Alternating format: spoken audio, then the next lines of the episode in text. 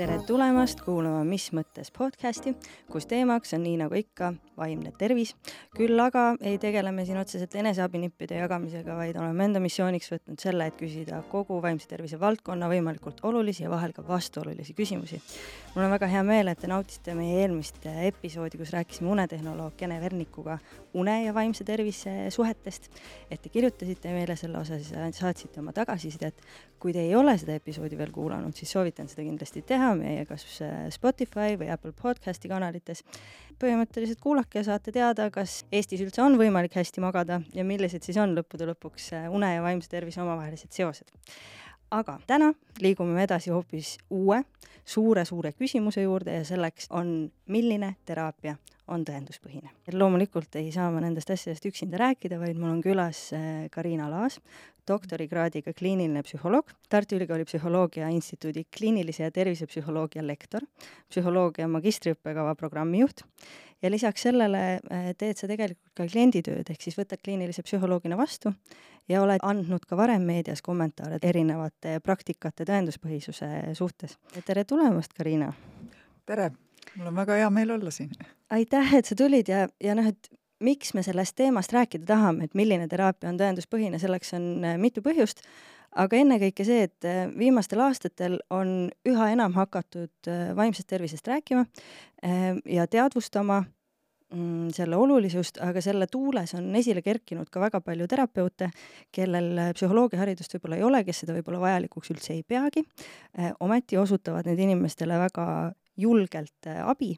Ja meie tänase vestluse eesmärk võikski olla mõista, et esiteks, millest sellised tendentsid tingitud on, aga teiseks ka see, et millised äh, ohud käivad kaasas sellega, kui abistajateks on inimesed, kellel võib-olla puudub erialane pädevus ja et kuidas siis üldse kontrollida, et millisesse teraapiasse minnes on inimesel selline õigustatud ootus loota, et, et ta saab asjakohast abi ma olen väga nõus, et need on väga olulised küsimused ja võib-olla alustamegi siit, et miks on tekkinud selline olukord, et kus äh, on väga palju teenuse osutajaid ja võib-olla äh, nad ei peaks osutama neid teenuseid -hmm. eks ole, aga et miks nii on, äh, turg sunnib niiviisi käituma, sellepärast et pakkumist on vähem kui nõudlust mm., inimestel vaimse tervise probleeme on päris palju ja siis on vaja ka kuidagi abi saada. Äh, tore on see, et vaimse tervise probleemidest räägitakse aina rohkem ja siis jääb mulje, et neid justkui olekski nagu rohkem, et et vanemad inimesed räägivad ka, et meie ajal ei olnud midagi, et me ei saa nüüd aru, et mis nüüd toimub, et äh, nüüd siis on justkui kõik tuksi läinud ja inimestel on vaimse tervise probleemid ja me ei saa aru, millest te räägite, no oleme ausad, et see, et varem ei räägitud, ei tähendanud, et ei olnud probleeme ja eestlased olid äh, suitsiidide arvus äh, ikkagi maailma esirinnas ka siis, kui sellest ei räägitud mm. -hmm. nii et need probleemid olid, äh, need ei lähe kuhugi, mul on hea meel, et nendest räägitakse ja kui juba räägitakse, siis inimesed julgevad aina paremini ka abi otsida ja nüüd ongi see küsimus, et võib-olla neid spetsialiste, kes oleksid pädevad tõsiste vaimse tervise probleemide korral abi andma, neid on puudu. ja noh, sina oled öelnud ühe sellise minu arust väga ilusa lause, et kas te lubaksite elukutselise õmbleja tegema oma lapsele mandlioperatsiooni, sest ta ju oskab niiti ja nõela kasutada. et minu arust on siin hästi, hästi kuidagi värvikalt tehtud see üldistus, et et miks on oluline mõista, kellel on milline pädevus ja seda eriti vaimse tervise valdkonnas? see on oluline just sellepärast, et kui inimene on kaua õppinud, see üks asi on kaua, aga noh, põhimõtteliselt on oluline ka sisu, et mida ta on õppinud, kui ta on mhm. käinud ikkagi kolm aastat kõigepealt bakalaureusest, õppinud psühholoogiat, edasi kaks aastat magistris jälle psühholoogiat õppinud ja siis läbinud ka kutseaasta, mis on intensiivne töö, selline juhendatud praktika, kus õpetatakse veel oskusi, ollakse superviisorite kotka pilgu all, kritiseeritakse ja siis läbitakse veel kadalipp kutseeksami näol ja siis tegelikult jäädakse ka praktiseerima tõenäoliselt supervisiooni all siis selline teekond annab juba aimu, et ilmselt võiks olla tegemist pädeva inimesega, mhm. versus siis ennast ka võib-olla spetsialistideks nimetavad inimesed, kes ei ole käinud sellist kadalippu läbi, aga nad on võib-olla mm, tahtnud äh, siiralt head, neil on endal paljudel olnud vaimse tervise probleemid, nad on nendest jagu saanud, nad on avastanud, et nad saavad paremini näiteks depressioonist või ärevusest aru ja siis on tekkinud tuhin, et lähen õpin äkki mingit teraapiat, siis mm -hmm. on leidnud sellise teraapia, mida saab osta või sellist koolitust saab läbida ka ilma vastavat eelnevat haridust omamata nad saavad seal tõesti teadmisi juurde, et ega see ei ole halb mm. -hmm. ja, ja nad saavadki mingisugused jupid, mingeid teadmisi ja oskusi, aga probleem on selles, et kuna neil on laiem taust puudu, neil ei ole tehtud selgeks igasuguseid arenguteooriaid, mis on norm, mis mitte, seal on väga-väga palju nüansse. Mm -hmm. ja kui nad teavad ainult natukene pealist pinda ja ei oma laiemat tausta, siis võibki tekkida oht, et neil endale tundub, et nad nagu saavad aru ja teavad palju, aga neil pole õrna aimugi, mis nüansid neil jäävad märkamata ja, ja siis sellega seoses on väga suur oht eh, inimest hoopis kahjustada, sest nad ei tunne ära mingisuguseid muid märke, mis seal on aga saad sa mõne näite tuua, milline võib olla selline olukord, et jääb tegelik probleem näiteks ära tundmata? ütleme, et ma lähen äh, hüpnotisööri või konstellööri juurde, öeldes mul on depressioon, mulle tehakse seal seanss või kolm, ma tunnen ennast nende järel justkui paremini, et aga mis võivad siin olla need potentsiaalsed ohukohad, mis mul kliendina jäävad võib-olla nägemata, mis äh, sellel terapeudil jäävad võib-olla nägemata? väga paljud sellised käigud võivad lõppeda ka hästi, et inimesed tunnevadki, et nad on toetatud, on kuulatud, on mõistetud ja ongi saanud mingisuguseid nippe mm, -hmm. et äh, edulugusid on äh, selles mõttes täiesti olemas. tahan lihtsalt mainida, et sõbrad on ka selleks, et kuulata mõista, elukaaslased, veel tuttavad, et samamoodi sotsiaalsed suhted on väga olulised nüüd sellise terapeudi juures käies kindlasti ta teab üht-teist ja oskab ka midagi, aga nüüd needsamad ohukohad, näiteks inimene võib äh, ärevushäirega minna äh, sellise terapeudi juurde mm -hmm. ja paluda, et tehke nüüd nii, et mul seda ärevust üldse ei oleks mm. -hmm. mina ütleksin selle peale, et see päris võimalik ei ole, ma ei saa niiviisi teha, et ärevust ei ole. ärevus on normaalne emotsioon ja me ei saa võtta midagi, mis on meile omane ja normaalne, me ei saa päris ära võtta, me saame õppida seda reguleerima ja et see ei segaks elu nii palju aga võib-olla vähem pädevad eh, inimesed eh, üritavad siis ootusi täita, ütlevad nii, nüüd teemegi nii, et võtame ärevuse ära, õpetavad võib-olla mingeid nippe, mis õpetavad ärevust vältima või siis neid eh, olukordi vältima, kus ärevus tekib, ja tundub justkui, et noh, meil on lahendus olemas. Mm, -hmm. aga psühholoogid, kes on pikalt koolis käinud, need teavad, et ärevushäirite põhiline alalhoidev faktor on vältimiskäitumine. Ja tegelikult pikas perspektiivis seda teha ei tohiks. selleks, et meie vestlust natuke raamistada, võib-olla oleks tark kõigepealt käia läbi terminoloogia. et alustame sellest, mis on tõenduspõhine? tõenduspõhine on see, et kui mitmed teadusuuringud, mis on tehtud erinevate sõltumatute uurimisgruppide poolt, näitavad, äh, et mingisugune ravimeetod töötab teatud patsientile, neil läheb paremaks, et seda on mhm. mõõdetud ja see ei ole lihtsalt äh, niisama, et uurisime mingisugust gruppi, korraga tuleb uurida mitut gruppi. ehk tuleb vaadata, et kas see meetod, näiteks kognitiivkäitumisteraapia, mille tõenduspõhisust on korduvalt näidatud, äh, et ta töötab näiteks ärevushäirega patsientide peal, seal kõrval peab olema veel mingi meetod, mis ei ole päris äh, nüüd see teraapia, aga noh, võib-olla käiakse koos, no et midagi imiteerida seal, näiteks et käime koos, on grupis mingisugused vestlused mm., et aru saada, mis asi see on, et kas lihtsalt see, et meil on sotsiaalne tegevus või siis on midagi seal selles teraapias niiviisi iseloomulikku.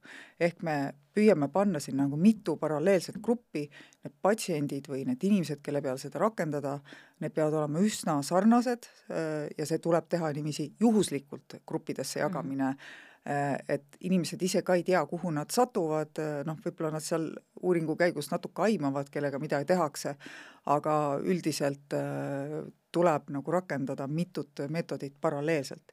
ja see kõik peab olema eetiline. see on ka ülioluline, et eetikaprintsiibid psühholoogilistes sekkumistes on üliolulised ja sellest ei saa ka mööda vaadata, inimestel näiteks ei tohi valetada ja nii edasi mm,. ka katsete tegemise juures, eks ole? jah, no see ikka lausvalet ei tohi ajada ja see mittekahjustamise printsiip on hästi oluline mm. -hmm. et sa pead mõtlema, et kas see, kuidas ma toimetan, kas see võib inimest äh, kahjustada on äh, ravimiuuringutes ja ka psühholoogilistes sekkumistes äh, alati mingisugused nii-öelda kõrvalnähud et äh, päris ravimitel on ka alati mingid kõrvalnähud mm. -hmm. ja siis tuleb kaaluda, et mis siis on, et kas see kasu on ikkagi suurem kui see võimalik kahju ja kui see kahju tuleb, kuidas ma neid kahjusid maandan, mida ma teen, kui, mis ma ette võtan, kuidas ma sekkun aga väga paljud sellised ähm, ütleme siis äh, alternatiivsemad praktikad võivad end siiski väita tõenduspõhiseks, sest et see, see termin kui selline ei ole ka inimestele ilmselt äh, piisavalt tuttav, et mis on see nii-öelda double blind study ja nii edasi, on ju, et ma võingi öelda, et ähm, tema puhul töötas tõendatult toimiv noh, et Jüri puhul töötas, tõestatud, et Jüri puhul töötab, aga et eh, milles on see vahe, kas ma ütlen õigesti, kui et vahe ongi selles üldistuse astmes, et ma võingi väita, et Jüri puhul töötas, aga ma ei saa öelda, et see töötab inimeste puhul. Ja kusjuures ma ei tea isegi seda, kas Jüri puhul töötas või mitte. sest me ei ole kontrollinud, me saame jah, et Jüri ütles, et tal oli parem, aga ahaa, no vot no tegelikult on ju see ka, et platseebo on imeline asi, platseeboefekt selles mõttes, et äh, usujõud on väga suur.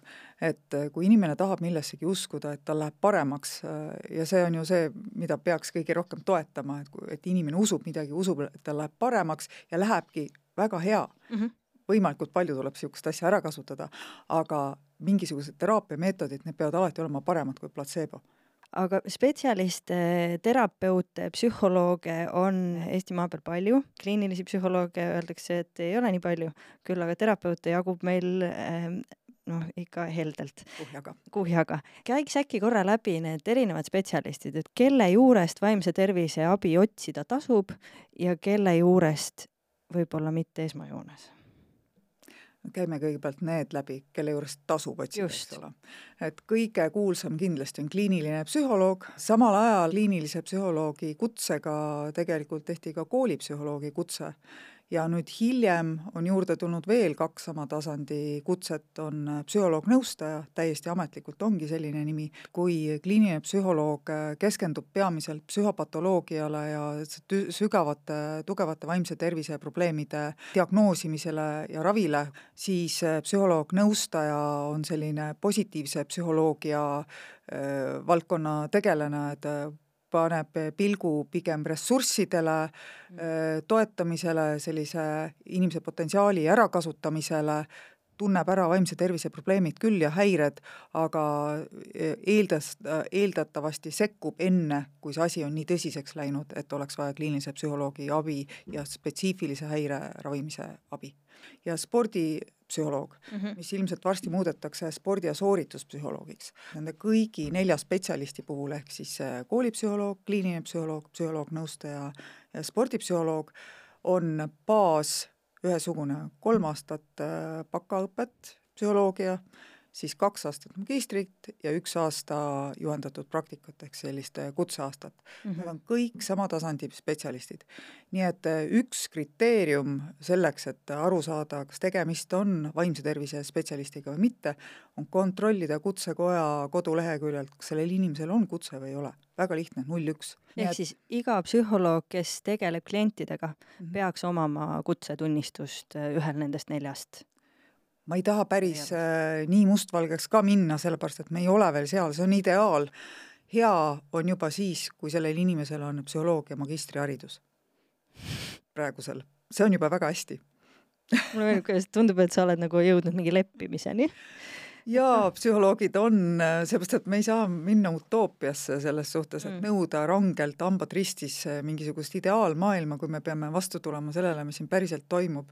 et kui meil on juba magistriharidusega psühholoogia lõpetanud inimesed, siis nad kindlasti on palju pädevamad kui inimesed, kellel ei ole vastavat haridust üldse mm. -hmm et selleks, et mingi legaalne alus oleks, siis, siis peab latti tiba allapoole tooma praegu, et tulla maailmale vastu või vähemalt Eesti rahvale vastu ja ütlema, et ka psühholoogia magistriharidusega inimene on okei okay. mm. -hmm aga see latt tiba allpool ehk siis mõistlikkuse piires kompromiss, arvestades praegust olukorda, ongi see, et ikkagi psühholoogia magistrikraad võiks inimesel olla. absoluutselt mm. -hmm. aga psühholoogi kui selline nimetus või tiitel ei ole meil ju kuidagi kaitstud või on? ei ole.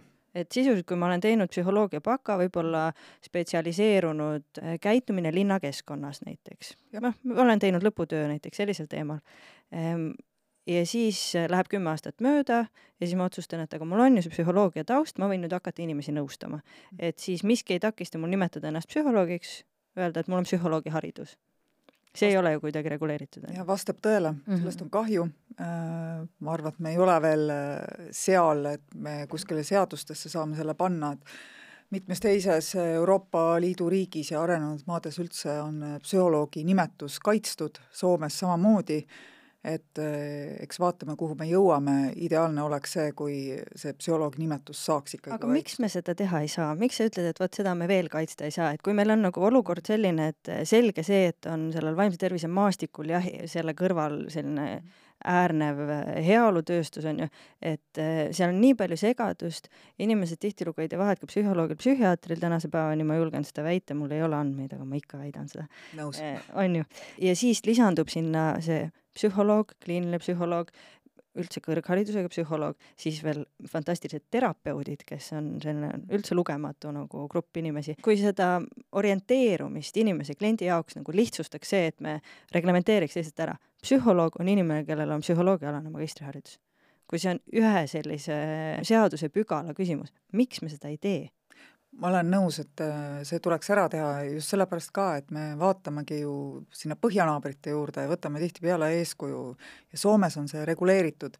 ma ei oska täpselt öelda, kus need äh, detailid on, aga tavaliselt öeldaksegi, et saatan peitub detailides, aga mina olen optimist. vanuse üldse ei paranda ja, ja mina usun, et me saame selle nimetuse ikkagi kaitstud ka üks päev mm. -hmm sest see on muidu noh, kõigile segadus, me ei jõua kogu aeg harida üldsust, isegi meditsiinitöötajad ei tea enam, et kes, mis psühholoog on, on, et praegu nad said selgeks kliiniline psühholoog mm -hmm. ja siis, kui pakkuda, et mingi psühholoog nõustaja, siis on oh,, see on mingi imelik vist, ei, ei, ei see et see tundub üldse. kohe, et äkki on vähem Jumala. adekvaatne kui kliiniline. kliiniline tundub noh, raviasutusega seotud, eks ole, ja just. et see on justkui suur ja siis ülejäänud on mingid kahtlased mm. -hmm aga see on lihtsalt äh, vähene teavitustöö ja noh, et selles mõttes ei saa ka öelda, et nagu ülivähene, aga et teavitustööd rohkem ongi tehtud kliinilise psühholoogi mätta otsast, mis on väga adekvaatne, et nii on tehtud, psühholoog-nõustaja ongi vähem olnud, aga see võtab jube palju aega. jah, ja samas, kui see sõna psühholoog iseenesest tähistakski juba kvaliteedimärki siis tegelikult see teavitustöö oleks võib-olla ka lihtsam, on ju. absoluutselt. kui, kui selles tiitlis sõna psühholoog ei sisaldu, siis ma ei pea vaevuma süvenema, et milliseid okei okay., ma võib-olla lähen ka nagu liiga karmiks, tahan nagu kohe maha kandma hakata igasuguseid muid praktikaid, ma absoluutselt tegelikult nii ei arva ja olen ise ka igasuguste alternatiivmeditsiini praktikatega elus kokku puutunud. küll aga meie tänane teema ongi just nimelt see, et kuidas saada aru, mis on õigustatud ootus mingisuguse spetsialisti juurde minnes, et see on nagu justkui see valukoht, mis meil jätkuvalt nagu valitseb.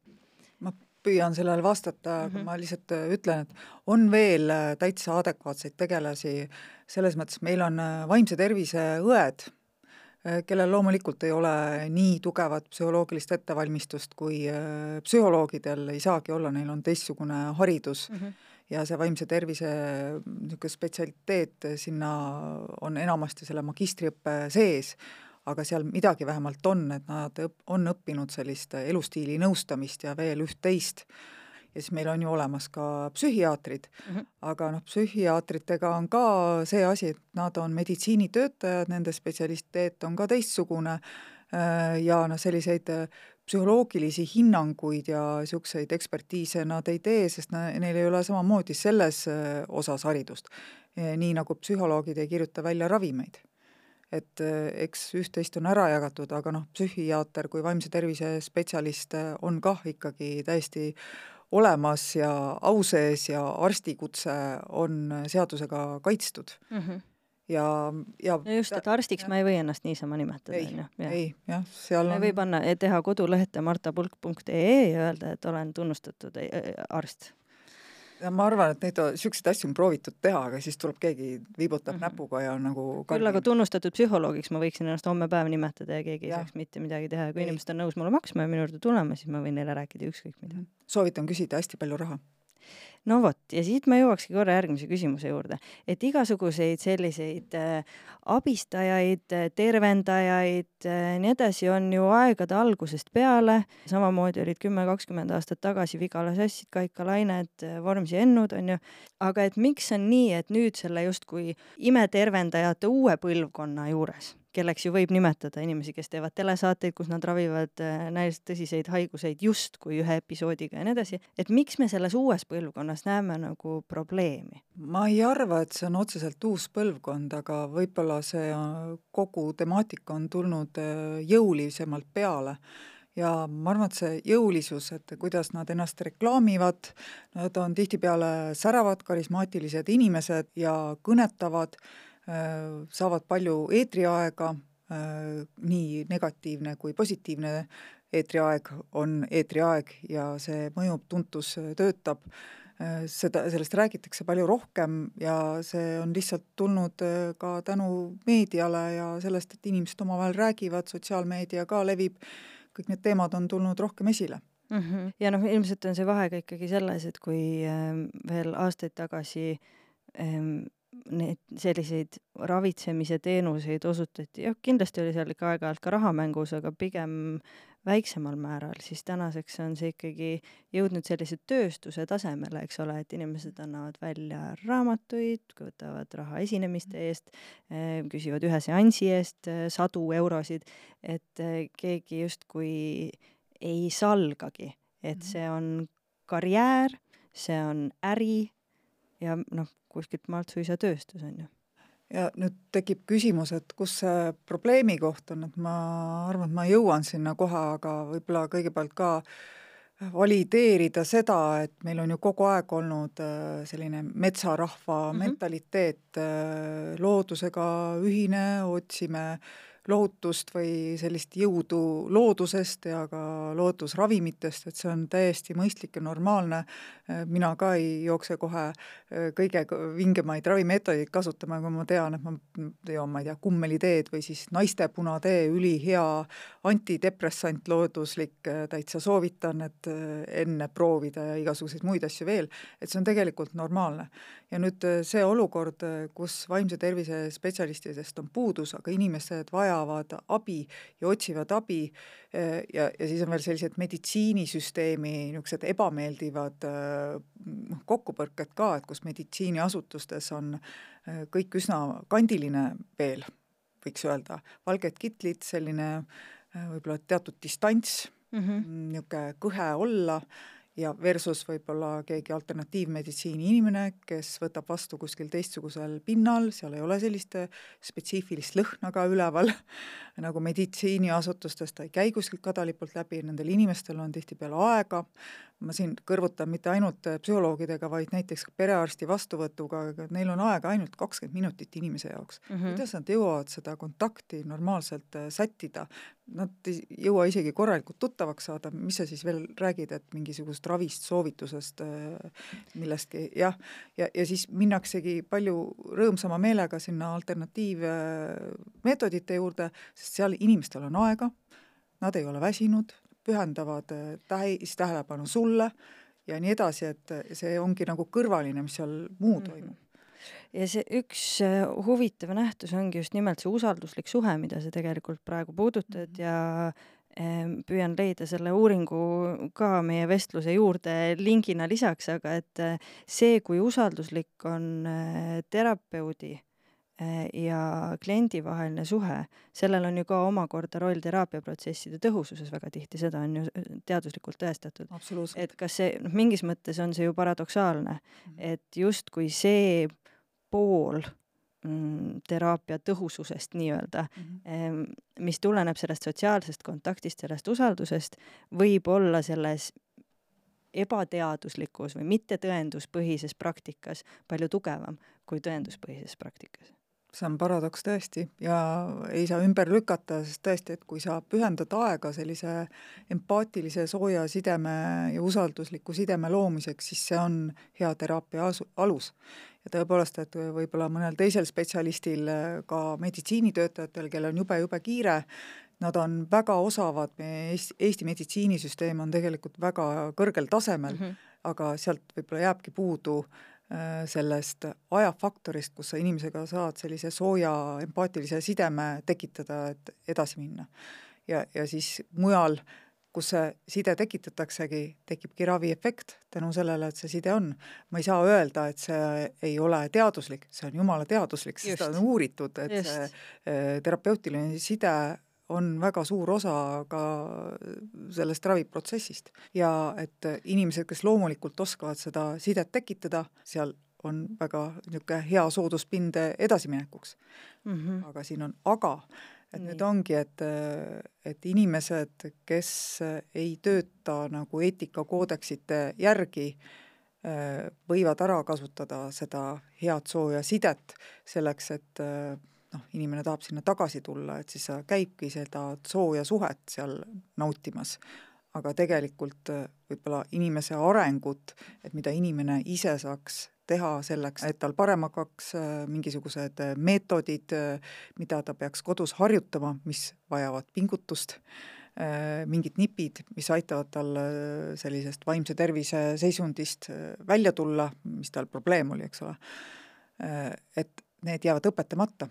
Mm ja et see ei pruugi alati olla ka selline teadlik äh, manipulatsioon, et oi, ma nüüd mhm. hoian teda enda juures käimas, vaid et mm -hmm. kui see laiem tagapõhi psühholoogiaharidus võib-olla sellel nii-öelda spetsialistil ka puudub, eks ole, et siis tundub, et see teraapiasuhe ongi justkui selle teraapiaprotsessi keskmeks, on ju. jah, et ma ei vihjagi, et noh, peab kohe manipulatiivne ja, olema, aga noh, manipulaatoreid võib igalt poolt leida, et see ei tähenda, mis amet seal küljes või taga on, see ei oma siin tähtsust, aga tõepoolest, et ma arvan, et suurem osa noh, terapeute, kellel ei ole vastavat haridust, äh, kes on heatahtlikult midagi õppinud ja tahavad siiralt inimesi toetada, et nad lihtsalt ei saa aru võib-olla, et nad peaksid midagi natuke teistmoodi tegema, et inimese autonoomiat toetada mm. -hmm ja noh, üks teema, mis meil äh, ka varasematest episoodidest läbi on käinud, ongi see, et inimesel võib olla vaja äh, erinevat abi erinevatelt spetsialistidelt. võib-olla ma satun äh, kliinilise psühholoogi või psühholoog-nõustaja juurde, aga mul oleks tegelikult vaja ka psühhiaatrit näiteks. äh, justkui selline tulevikuvaade võiks olla see, et see vaimse tervise süsteem muutub üha enam integreerituks. et keegi teine veel lisaks sellele kliendile või patsiendile endale aitab jälgida, et ähm, et erinevad spetsialistid, kelle juures ta käib, oleksid, suhtleksid omavahel, et neil oleks ühine ülevaade inimese haigusloost, tervisepildist, nii edasi. hea asi on see, et ma olen kuulnud ka sellistest alternatiivsetest äh, tegelastest, kes heas mõttes äh, saavad aru, et oot-oot, mina enam ei saa aru, mis selle inimesega on ja tõepoolest on öelnud inimesele, et äh, palun, ma, ma ei oska sind praegu enam aidata, et ole hea, mine kliinilise psühholoogi juurde või, või psühhiaatri juurde või mine räägi perearstiga, et siin on nagu mingid probleemid. ma olen kuulnud selliseid positiivseid asju ka, et eh, tahaks nagu rehabiliteerida natukene, et mitte jääda liiga ühekülgseks, et joon on siin ja, ja ühel pool joont on head ja teisel pool halvad, et ma ei näe seda nii. ma arvan, et me oleme kõik ühe asja eest väljas selles mõttes, aga selline holistiline pilt äh, tekib muidugi siis paremini, kui spetsialistidel on omavahel välja kujunenud võrgustik ja jagatakse infot äh, sellise konfidentsiaalsusnõudeid silmas pidades mm -hmm. ikkagi ja ka samas keeles mingis mõttes on ju, aga, aga ma olen väga sinuga nõus, et ka ma näen, kuidas ka tänases vestluses minu enda sõnavarasse hiilib sisse ikkagi see vastandamine mm, -hmm. mis tegelikult tingimata ei ole nagu produktiivne tegevus. et sellega seoses ka üks küsimus, et kuidas tõenduspõhisus äh, Äh, suhestub äh, innovatiivsusega, sest et tegelikult ju väga paljud tänaseks väga tunnustatud praktikad, äh, käibetõed on kunagi tundunud alternatiivsed, soolapuhumised, täielik absurd, sest et seda pole tõestatud. ehk siis, et noh, miks mulle tundub, et on eriti oluline, et me neid asju lahku ei looks, on see, et iga uus teadmine võib alguses tunduda kummalisena. et kuidas tõenduspõhisus innovatsiooniga suhestub Äh, jah, ja paljud asjad on selline vanaema tõde ka või siis common sense, et noh mm -hmm., jumala mõistlik ju, et nii töötab. Mingisugused asjad äh, on just sellised, et me justkui ei peakski neid tõendama. Äh, sellega on natukene niisugune kahvlis tunne küll, et ma ju ka vahepeal oma töös kasutan mingeid meetodeid ja siis ma ei juurdle kogu aeg selle üle, et, et kui tõenduspõhine on, et kas ma mäletan täpselt seda uuringut, kust ma selle võtsin a la, või siis kas see on just täpselt selle teraapia tükike või ma laenasin kuskilt mujalt või mm -hmm. siis ma ise tulin selle peale ja nüüd proovin ja vaatan, et vau wow,, töötabki.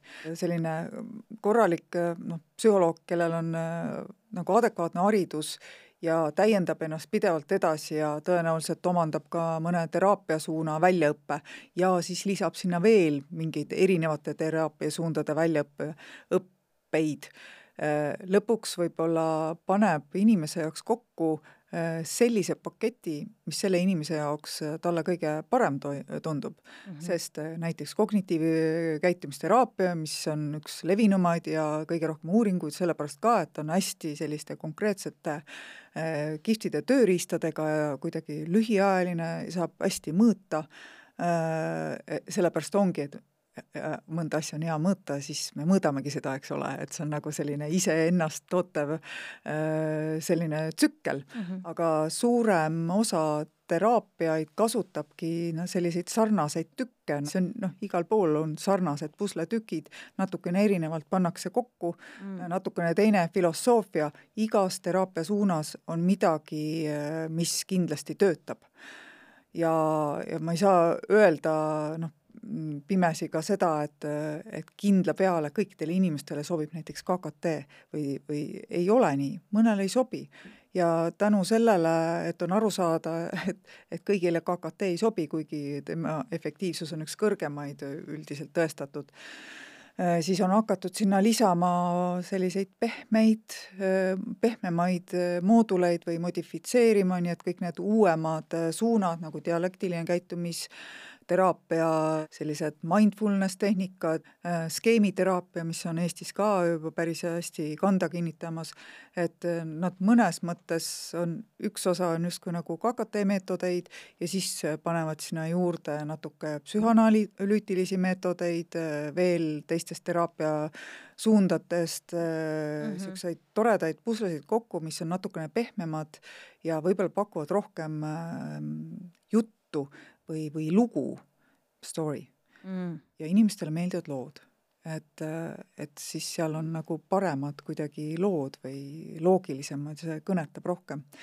väga loogiline. jah, ja, ja, ja kui äh, spetsialist omab teadmisi, võimalikult laiu teadmisi ka erinevatest teraapiasuundadest, tal ei pea olema läbitud kõikide teraapiate väljaõpped, aga on hea, kui vähemalt üks on korralikult ja siis natuke nopib teisi ka, siis on võimalik kokku panna selline integratiivne mm -hmm. meetod, mis sellele inimesele võib-olla kõige paremini sobib.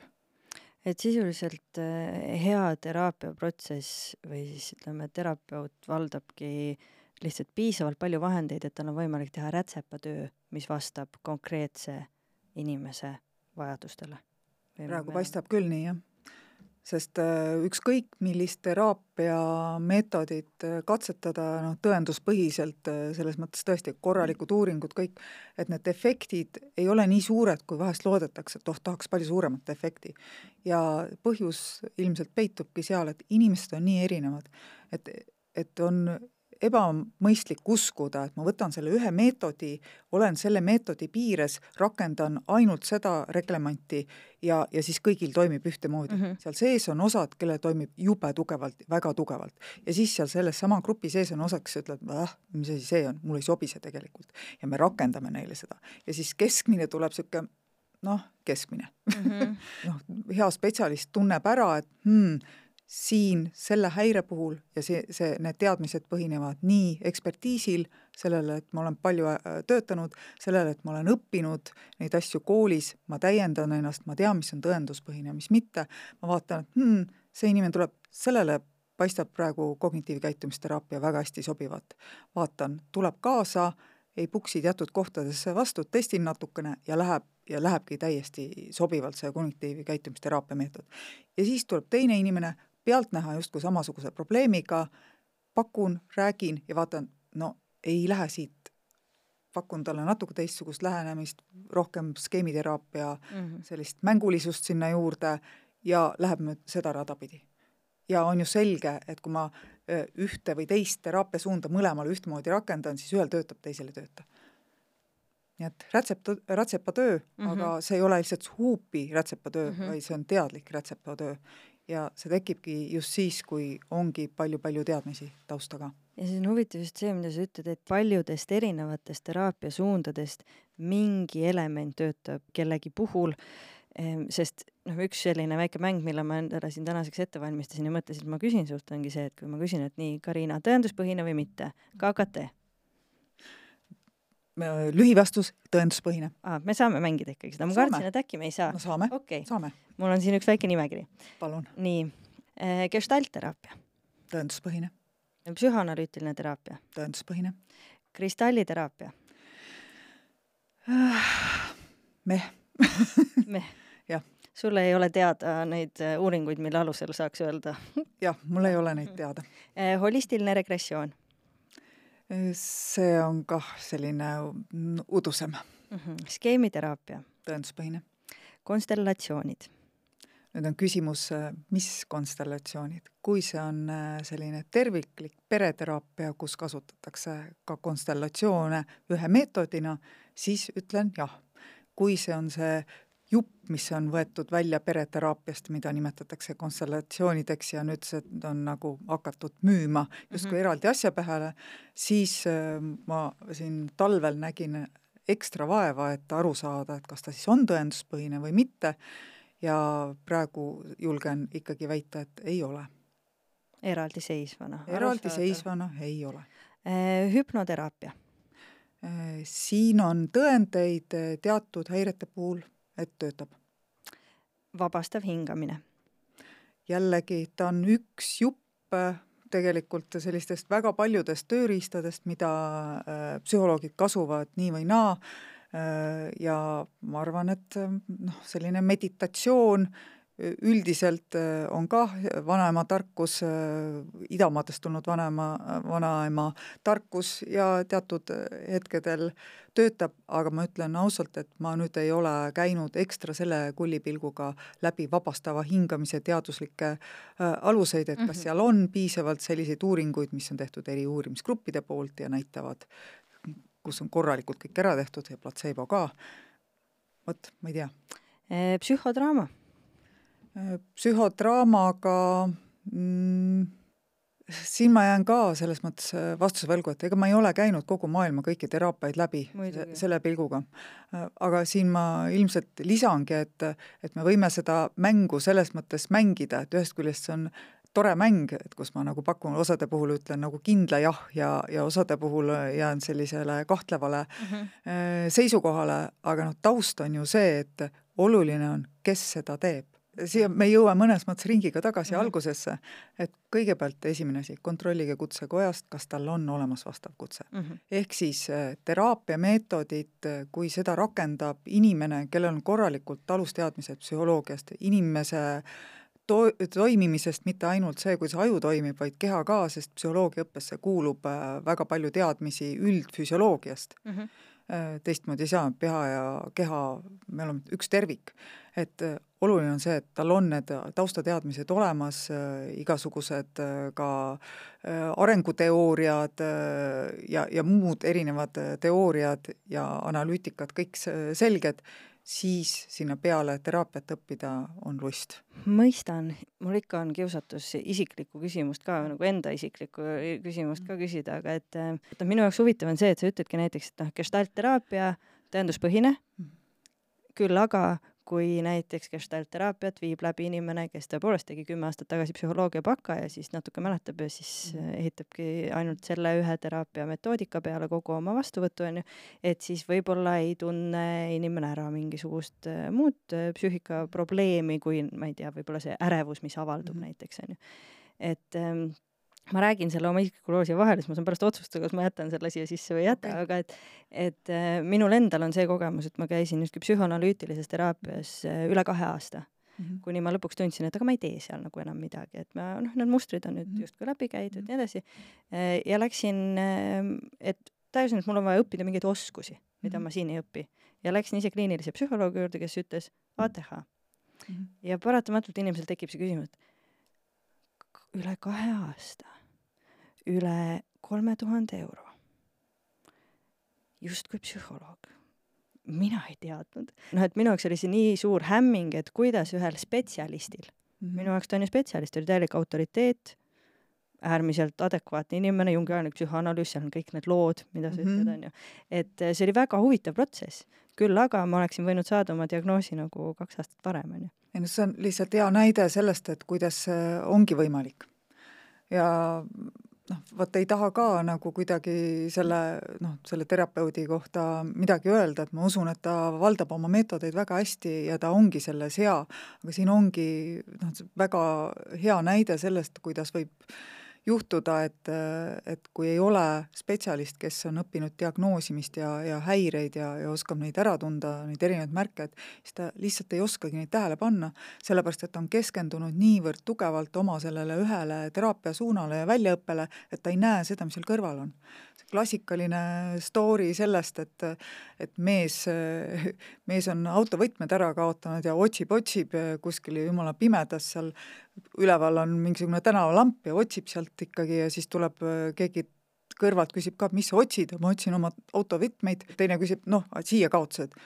ei kaotanud, aga mis sa siis otsid? siin on valge. Väga ilus, jah jah, aga see viibki tegelikult selle väga olulise küsimuseni, äh, kes vastutab. Mm. Äh, ja see on ilmselt ilma vastuseta küsimus, sest et äh, selge see, et oma tervise eest ja elu eest vastutame me kõik lõpuks ise, et seda vastutust ei saa kellegi teise õlgadele panna, ükskõik kui spetsialist see inimene on. Ähm, aga et mis on see spetsialisti vastutus ähm, oma kliendi ees mm, arvestades, et klient ilmselt pahatihti tuleb tänavalt, ta on kuulnud, siin aidatakse ja see võib olla kogu tema teadmiste selline eh, kogum. milline on eetiline psühholoog või eetiline terapeut, milline, millise info peaks ta oma kliendile nagu edasi andma selle osas, et, et mida siit oodata, mis on selle, mis on minu pädevus ja nii edasi siin on terve rida asju, mida peaks edasi andma, selles mõttes, et esimene asi on juba, et mis on pädevus ja mis on väljaõpe, et tegelikult tuleb ausalt öelda, mitte jätta muljet, et oled pädevam, kui tegelikult oled. mis tähendab ka hariduse tausta, et noh, minul ei ole häbi öelda, et ma olen kogu selle kadalipu läbi teinud ja mul on kliinilise psühholoogi kutse aga noh, et inimesed, kellel seda ei ole või spetsialistid ei ole, siis tihtipeale noh, ei öö, ei räägita sellest, mis nende haridus on, aga räägitakse, et nad on läbi, äh, läbinud mingisuguse teraapia väljaõppe mm, -hmm. mis on kah info, mis on raudselt parem kui mitte midagi, aga inimesel oleks hea võib-olla isegi uurida ka, et aga mis see haridus siin all on või sest teraapia väljaõpped võivad ka olla väga erineva pikkusega, et on osad teraapia väljaõpped, mis on kolm-viis aastat tõesti väga pikad, et ilmselt selle jooksul õpitakse ka rohkem. Versus see, et on kuusteist, kuusteist tundi mingisugust teraapia veebikoolitust. on ka seda, et võid üheksa, üheksakümne üheksa eest osta endale KKT väljaõppe internetist, vaadata kuusteist tundi mingeid videoloenguid ja öelda väljaõppe läbinud. absoluutselt ja siis oledki. ja inimesed, kellel paber. on vaimse tervise probleem, kas ta peab siis guugeldama läbi see need koolitused, kus sa oled justkui käinud, et vaadata, noh, et kliendil ju tegelikult puudub pädevus spetsialisti pädevuse hindamiseks, ma tegelikult teeksin võib-olla sellise üldistuse tal ei peagi seda pädevust sellisel kujul olema ja see on see, miks ma jõuan tagasi sinna, et miks me ometi ei reglementeeri ära seda, et kes võib ennast kuidas nimetada, vaid jätame selle vastutuse nendes spetsialistides orienteeruda inimesele endale ja tihtilugu inimesele, kes on niigi abitus seisukorras, on ju. see on ebaaus olukord mm. -hmm. et äh, psühholoogi nime reguleerimine lahendaks päris palju äh,. aga tõesti, et noh, psühholoogid, kellel on kõik korras, need ei varjagi, aga tihtipeale need, kellel ei ole paberid korras või nimetavad, need siis hämavad, vahest nimetavad ka, et nad on võtnud Tartu Ülikoolis mingisuguseid psühholoogia aineid tõepoolest täiendõppijana saab mõnikord võtta igasuguseid aineid, aga noh, tahaks näha diplomit mm, -hmm. seda, et inimene on olnud võimeline selle õppe äh, ikkagi läbi tegema, lõputööd mm -hmm. ja ka sellist teaduslikku osa ma olen ka õppinud uurima. Tartu Ülikoolis psühholoogiat terve ühe semestri. no vot. noh, ma olen õppinud Tartu Ülikoolis psühholoogiat, ma võin panna selle oma CV-sse kirja, ma ei pea täpsustama, kui pikalt, see ja. on fakt. aga jätab hea mulje mm. -hmm, just täpselt ikkagi Tartu Ülikool ja psühholoogia, eks ole. et selles mõttes on probleem äh, küll, aga et mida siis veel peaks teadma, et, äh, et mis see, mis see abi maksab muidugi, umbes kui kaua võiks teraapia kesta, aga seda ei saa kohe esimeste minutite jooksul ju selgeks teha, sellepärast et kõigepealt tuleb ülevaade saada, millega inimene üldse tuli mm -hmm. ja siis mhm. spetsialist peaks tegelikult ütlema, kas ta oskab sellega midagi teha, kas see on tema pädevuses ja siis peaks umbes ennustama ka, kui kaua see võiks aega võtta. see ennustus võib muutuda, aga igal juhul mingid eesmärgid tuleb esimene kord juba panna kirja, see eesmärk, vähim võib olla ka see, et järgmine kord vaatame veel eesmärgid üle, et kui kaua me või noh, mismoodi me edasi liigume see võib olla mõnikord äh, üsna lühiajaline, et kohtume iga nädal või üle kahe nädala mm, -hmm. üldiselt äh, psühholoogid äh, ütlevad, et alla kuue korra ei ole mõistlik oodata suurt muutust. Ähm, kui ei ole eriti sügavad probleemid, siis mõnikord võib saada kergendust ka sellest ühest kohtumisest, sellepärast et on mingi ennetatav probleem ja asi ei lähe hullemaks, vaid inimene mõtles võib-olla paremini spetsialisti kuuldes ja toetusel mingid asjad läbi ja ei peagi tulema tagasi, aga üldiselt üldiselt me ütleme jah, et umbes kuus korda on kindel, aga paljudel juhtudel, eriti pikka aega kestnud probleemide korral ja kui seal taga on veel mingisugused lapsepõlvetraumad, mingid äh, suhtemustrid, siis äh, need äh, teraapia võib kesta palju pikemat aega ja ausalt öeldes noh, selline KKT võlu on siiani seisnud sellele, et on niisugune lühiajaline mm, -hmm aga nüüd probleem ongi selles, et inimestele õpetatakse neid toimetulekuoskusi ja väga hea, et õpetatakse, sest see töötab, aga kui võivad olla all väga pikaajalised probleemid, siis on hea, kui tuleb natukene teist tooni juurde ja sellised pikema, pikem plaan, mis võibki lõpuks venida mitmeaastaseks mm, -hmm. aga et alguses intensiivsemalt ja hiljem siis selline võib-olla isiksuse arengu toetamine ja veel öö, selline humanistlik lähenemine või siis natukene skeemiteraapia lähenemist, et need vanad probleemid ei tuleks uuesti välja mm. -hmm. algul saab sümptomitele leevendust, pärast on see probleem, et kui järgi jätad, siis tuleb tagasi ja sellepärast ongi tehtud need uued suunad ka, mis toetavad pikemalt ja leevendavad pikas perspektiivis mm. -hmm aga sisuliselt samamoodi, kui ma lähen, kui sa lähed hambaarsti juurde, onju -hmm. vaadatakse üle, tehakse mingi pilt, pannakse kokku raviplaan, öeldakse sulle, me teeme need ja need ja need sammud, see läheb mm -hmm. maksma umbes nii ja nii palju mm -hmm. ja, ja kui selles on, raviplaanis on nii-öelda lahtiseid kohti, onju, mhm. et need märgitakse samamoodi ära, aga noh, siis vaatame, kuidas sellega on, kuidas sellega on. et see on tegelikult miski, mida, mille võiks endale ära registreerida. et see võiks käia iga teraapia suhte ja. alguse juurde mm. -hmm ja siis muidugi need äh, konfidentsiaalsuse küsimused äh, ka ja, ja tegelikult ikkagi mainimine, et on teatud juhtumid äh, või teatud piirid, kus ka psühholoog peab rääkima, aga tõenäoliselt ütleb psühholoog ka seda, et ta on superviseeritav mm -hmm. ja meil on ka kovisioonid, et me arutame omavahel juhtumeid, aga sellisel juhul me püüame alati teha nii, et see inimene ei ole kuidagi äratuntav me suhtleme omavahel lihtsalt selleks, et oma professionaalset äh, võimekust äh, toetada ja kolleegi kõrvalpilk on väga kasulik mm. -hmm. psühholoogia on üks selline huvitav valdkond, kus mõõta äh, teraapiaprotsessi tulemuslikkust näiteks on hästi keeruline. et kui oluline see spetsialisti enda jaoks on omada mingisuguseid mõõdikuid, mille järgi sa näed, et sinu tegevusest on kasu, et kliendi olukord kuidagi paraneb Mm, ja teisest küljest, et kas lisaks, noh, mulle tundub, et supervisioon on üks sellistest elementidest, mis, mis natukene aitab perspektiivi võtta või, või äh, mõõta nii-öelda, aga et kas on lisaks veel mingeid meetodeid, kuidas sina praktikuna mõõdad, kas sinu tööst on kasu ja, ja kuidas neid saaks rohkem olla?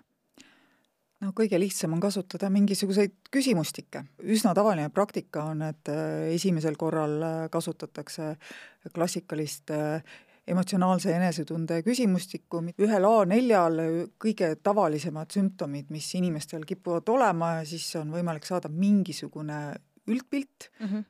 See ei tähenda kõike, et ma nüüd sellega piirdungi, ma saan midagi teada, ma uurin edasi.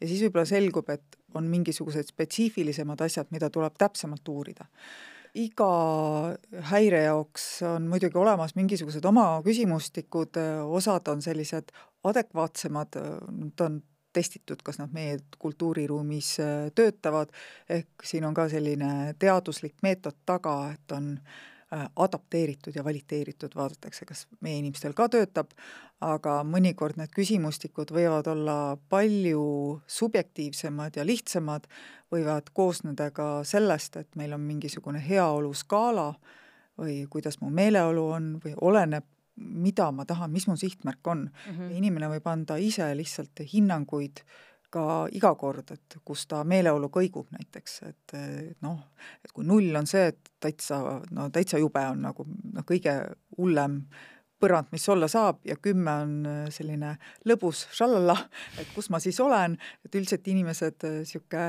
normaalses olekus kipuvad olema seal kuue-seitsme juures ja, ja siis räägitakse, sest et mõni jälgib oma tuju ka võib-olla igapäevaselt, ma, mina, mind huvitab ka, et mis see eeg teeb näiteks ja siis võib-olla on veel mõned küsimus, see emotsionaalne, see enesetunde küsimustik, kus on palju depressiooni, ärevuse sümptomeid, siis meil on osade inimestega kokku lepitud mingid lisamõõdikud, ma ikkagi tahan teada ja see on mõlemale oluline, see ei ole ainult, see ei ole üldse supervisiooni teema, et noh, muidu seal on ka oluline, ma tahan, et inimestel äh, ma tahan näha, et inimestel läheb ikkagi paremaks, mul muidu tekib ka küsimus, et, et mis asi ma olen, et kui me teeme siin justkui tööd, aga tegelikult inimesel paremaks ei lähe, siis tekib nagu, ei taha endale peeglis otsa vaadata, et mis siis lahti on. et ikka küsid enda käest ka, et äkki ma teen midagi valesti.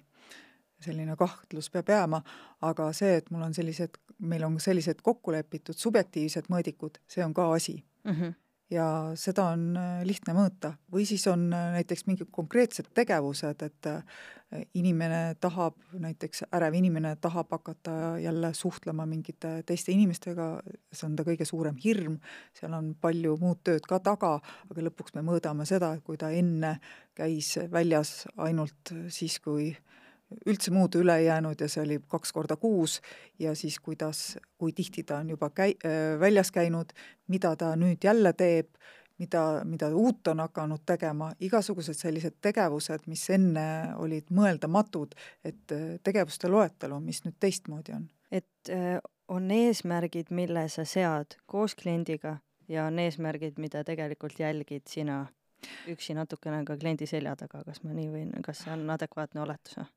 tegelikult ma tahaks öelda, et kõik on ikkagi koos. kõik on koos. selles mõttes, et ei ole saladusi, minu meelest on nii oluline olla aus ja vaadata, et mis nüüd siis mis nüüd siis toimub, et ma toon kas või selle näite, et et inimestel on üldiselt negatiivne kalle, see tähendab seda, et kui me midagi jälgime alateadlikult või lihtsalt oleme, siis me paneme kuidagi negatiivseid asju rohkem tähele, see ei ole üldse tore, aga noh, nii see on. Mm. -hmm ja, ja siis vahest inimene tuleb võib-olla ka natuke sellises kahtlases või nukras meeleolus ja ma püüan küsida, et noh, kuidas siis läheb ja siis hakkab kohe nagu rääkima negatiivseid asju. ja siis jääb võib-olla korraks mulje, et hmm, et, et jälle ikka on halvasti, et mitte miski pole muutunud. aga siis tuleb spetsiaalselt hakata otsima, et kas nüüd on midagi vahepeal ikkagi teistmoodi läinud või kas on mingid uued tegevused tulnud või kuidas meeleolu üldse on olnud. ja siis, kui teadlikult tähelepanu pöörad sellistele positiivsetele asjadele, siis inimesel endal tuleb ka meelde, et oo, aga tegelikult on täitsa tore, mul lihtsalt praegu oli näiteks tuju ära, aga tegelikult on ikka, ma teen juba neid asju, enne ma ei teinud no aastadki koos seal. ja ilmselt psühholoogi juurde tulles ikkagi äh, võib ka kujuneda inimesel selline muster, et sa mõtled enne välja, et mis ma, millest ma täna mhm. rääkima hakkan, mis mul kõik valesti on. absoluutselt. äh, jah, mõistan, et vahel võib-olla tuleb seda perspektiivi taga otsida ühiselt rääkisime sellest, et see spetsialistide põld nii-öelda on väga kirju aga et äh, mis on need põhilised jooned, mis, äh, mille järgi saab eristada spetsialistide lähenemisi või praktikaid siis äh, sellistest mittetõenduspõhistest praktikatest, on seal mingid ühised jooned? no ühised jooned on ikka need, et mida inimene on õppinud, seda ta jälgib ja, ja järgib. Ja eks praktikud arenevad ka oma töös, nii ühed kui teised aga üldpilt ongi see, et äh, kui sul on laiapõhjased, äh, põhised teadmised puudu, et siis sa ei oska märgata mingeid nüansse, et sa järgidki oma kitsast rada liiga palju ja, ja liiga rigiidselt. Mm.. et sa näed liiga mustvalgelt seda pilti ja sa ei näe äh, mingisuguseid märke, mis viitavad hoopis muudele probleemidele. et ehk sa siis ei saa arugi, et sa ei ole piisavalt pädev selle inimesega töötama. et see on probleem. ja nüüd äh, suurem probleem on võib-olla see ka, et äh, need kes on nii-öelda tõenduspõhised ja litsenseeritud, need on allutatud justkui palju suuremale kontrollile, et neil on olemas kutsed, neil on mingisugused organisatsioonid selja taga, kes viibutavad ka näppu, kui sa midagi väga valesti teed, et ühesõnaga kollegiaalne kontroll on. meil on eetikakoodeksis äh, ka sellised klauslid, et äh, ei löö silmi maha või, või ei vaata kõrvale, vaid et kui me näeme, et kolleeg äh, teeb ka mingisugust jama, et siis me sekkume mm et äh, igasugused sellised äh, eetilised äh, kohad on, pluss see, et kui sa oled täiesti legaalne ja see käib meditsiinisüsteemi kohta üldiselt ka, et siis on justkui kõigil eeldus, et jaa, see kindlasti peab töötama ja, ja see ootus on positiivne. nii et me nagu stardipunkt, punktid või võrdlusmomendid on natukene ebavõrdses kohas, et need, kes on justkui legaalsed, seal ongi ootus, et loomulikult aitab ja peabki aitama ja siis, kui kuskil läheb puusse, nii nagu meditsiinisüsteemis ka vahest juhtub, et on ravivead või ootused ei ole pär-, või ootuseid ei täideta, ei õnnestu kõiki ka elusid päästa, mis on muidugi tõsisem, veelgi tõsisem teema, et siis see tuleb kohe ilmsiks ja sellest tuleb suur skandaal mm. -hmm. ja nüüd need, kes töötavad väljaspool seda süsteemi, nad on selles mõttes peidus, et mitte keegi ei tea, kui palju sul tegelikult hästi läheb ja kui palju halvasti, aga me kuuleme peamiselt edulugusid. et äh, see tähelepanu fookus on hoopis eri kohtades, et et kuuldakse spetsialistide kohta, kuuldakse nagu jama ja seda võimendatakse üle ja, ja kui see on selline noh, nii-öelda see kõrvalliin, mis ei allu kontrollile ja tegelikult ei teata, mis seal toimub, siis me kuuleme neid üksikuid edulugusid, kuidas keegi imeväel terveks sai. aga tegelikult meditsiinitöötajad ja ka psühholoogid töötavad nii, et me ei, me ei saagi rääkida niisuguseid asju ma sattusin kuulma hiljuti selleks episoodiks valmistudes ühe sellise tuntud äh, parapsühholoogi hinnangut, et kui ta kord väga noorelt hakkas tööle inimestega, et ta ütles kuidagi selliselt, et mul ei olnud siis äh, pädevust kindlasti, et seda tööd teha, aga õnneks ma kedagi ka ei kahjustanud, et keegi ei kaevanud, aga noh, ma ise tean tagantjärgi, et mul ei olnud seda pädevust. et ma mõtlesin, et see on nii huvitav hinnang iseenda tööle, et see, et keegi selles hetkes ei kaevanud, ehk siis inimene, kes nagu, kellel on selgelt probleem, kes noh, uppuja haarab õlekõrrest, tal oli midagi vaja, et, et selle järgi hinnata ka siis hiljem justkui, et oma töö tulemuslikkust ja seda, et küllap tal siis nii väga vedas või pigem on ilmselt see, et et väga raske on ähm, jälgi ajada hiljem, et ähm, A, võib-olla see inimene oleks jõudnud asjakohase abini varem, B, võib-olla temalt ka raha võtmine eh, teenuse eest, mis teda ei aita, isegi kui see tema enesetunne korraks paremaks teeb, ikkagi ei ole nagu päris koššer, on ju. et ähm, et see on huvitav. tekitab äh, küsimusi küll, et, et tõepoolest, et tegelikult ei tea, mis seal toimub, et need, kes legaalselt töötavad, need on pidevalt äh, palju karmima luubi all ja kontrolli all. ja seal on paremini näha. ja muidugi inimesed ei kipu pärast, et kui nad on kuskil nagu kõrvalises kohas äh, niinimetatud petta saanud või isegi kahjustatud saanud ka, et nad ei tule rääkima seda. paljudel on ju häbi, ütlevad, kus, kuidas ma nii loll olin, ma läksin sinna äh, ja ise olin, ma olen nii palju neid lugusid kuulnud tegelikult, aga nad ei tule välja, seepärast et tõesti häbi on et ma, kuidas ma nii loll olin, ma maksin nii suure raha ära ja siis mulle öeldi niiviisi ja et ma täitsa lõpp. väga hea point, sest et tõsi ta on, et enamasti jah, ilmselt kohtab oma lähikonnaski seda, et kui sa siis ühel hetkel ütled, et ma ei tea, ma käisin äh, kuus kuud käisin nõia juures, maksin talle iga kord ja nüüd tead, ja siis sain aru, et ega see ei aita, ei aidanudki. et ega sulle ilmselt öel, ei öelda, et see oli sul hästi intelligentne valik. Äh, ma saan aru, sa olid hädas, sa otsisid abi noh, juhtub, et ilmselt sa ei saa enamasti seda hinnangut, vaid täpselt selle, no mida sa lasid ennast ümber sõrme keerata. Kuidas sa nii loll olid? jah, et tegelikult taha, seda stigmat ei tohiks ka olla, vaid et selge see, et kui inimesel on väljakutsed, siis otsitaksegi abi väga erinevatest kohtadest ja küsimus väga suuresti ongi ju sellest, mida me saame ühiskondlikul tasandil teha selle jaoks, et seda protsessi inimeste jaoks lihtsustada jah, ja kuidas ennetada vaimse tervise probleeme, et kliinilised psühholoogid on ka eelkõige selleks, et tagajärgedega tegeleda mm, -hmm. mis ei ole mõistlik. et mõistlik on toota noh, spetsialiste ja, ja tegelikult ka neid spetsialiste, kes oskavad muuta ettevõtteid, organisatsioone, koolisüsteem, koolipsühholoogid, kuldaväärt inimesi, neid peaks olema ühes koolis mitu tükki, aga praegu mõnes koolis ei ole ühtegi. et kes tegelikult loovad koolikeskkonda selliseks, et sealt eh, need noored inimesed tuleksid tervemana välja mm, -hmm. üks asi on noored inimesed, aga koolipsühholoogide üks ülesanne on luua koolis selline keskkond ka õpetajatele ja töötajatele, et neil on tore kollektiiv, sellise keskkonna loomine, kus eh, töötajatel on tore, nad suudavad oma lastega, nende koolilastega siis probleeme palju kergemini lahendada ja ühesõnaga, et tegelikult on asi juba seal, palju mm -hmm. kaugemas kohas ja, sedasi saab õpetada, nii et ei peaks minema asi ainult kliiniliseks. just. Kui eelmisel korral, kui me rääkisime Kene Vernikuga uneteemadest, siis ma küsisin talt küsimuse, et et kui Kene oleks uneminister, et mis, mis oleks mingid viis muutust, mille ta ellu viiks, et Eesti, eestlaste unekvaliteet oleks, oleks ideaalne. Mulle tundub, et see on tegelikult hea küsimus, mida ma võiksin küsida ka sinult, mitte une kohta, aga noh, et meil on töö- ja terviseminister on ju, aga kui meil oleks vaimse tervise minister, kellel on absoluutne võim ja seda ametikohta täidaks Karina Laas, siis mis oleks need, eh, ütleme, kolm või viis kõige olulisemat muutust, mille sa viiksid ellu selleks, et eh, et meie vaimne tervis oleks hoitud ja et inimesed saaksid asjakohast tuge ja abi? tõenduspõhist tuge ja abi.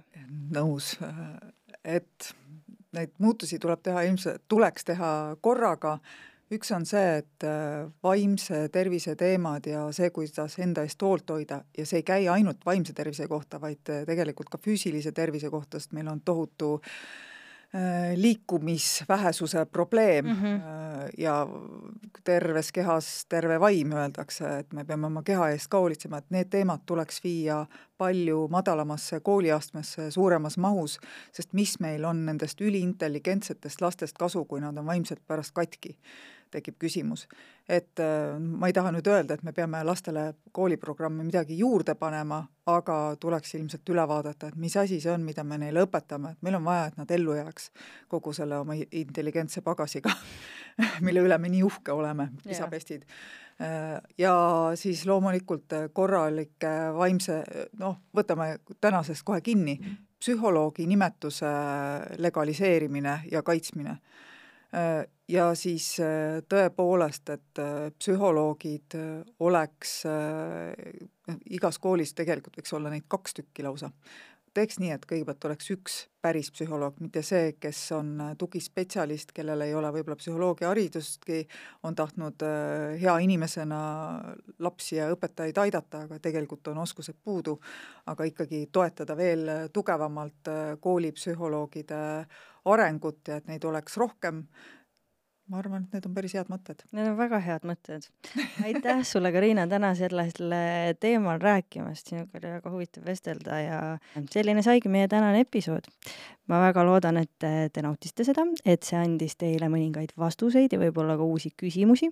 kui see nii on, siis te saate kirjutada mulle aadressil marta.storiesforimpact.com oma soovitustega ja küsimustega, kes võiks veel meile külla tulla ja millistel teemadel oleks oluline rääkida. märkige ennast kindlasti ka podcasti jälgijateks nii Spotify's kui Apple podcastis kui Stories for Impacti kodulehel. tegemist on Erasmus plussi poolt ellu kutsutud täiskasvanu haridusprogrammiga, kus nii nagu täna ka Riina käib meil igas episoodis külas keegi vaimse tervise valdkonna spetsialist, kelle abil me järgmisel korral võtame siis pulkadeks lahti juba päris uue teema. kuulake meid jälle, kohtume uuesti järgmises Mis mõttes episoodis.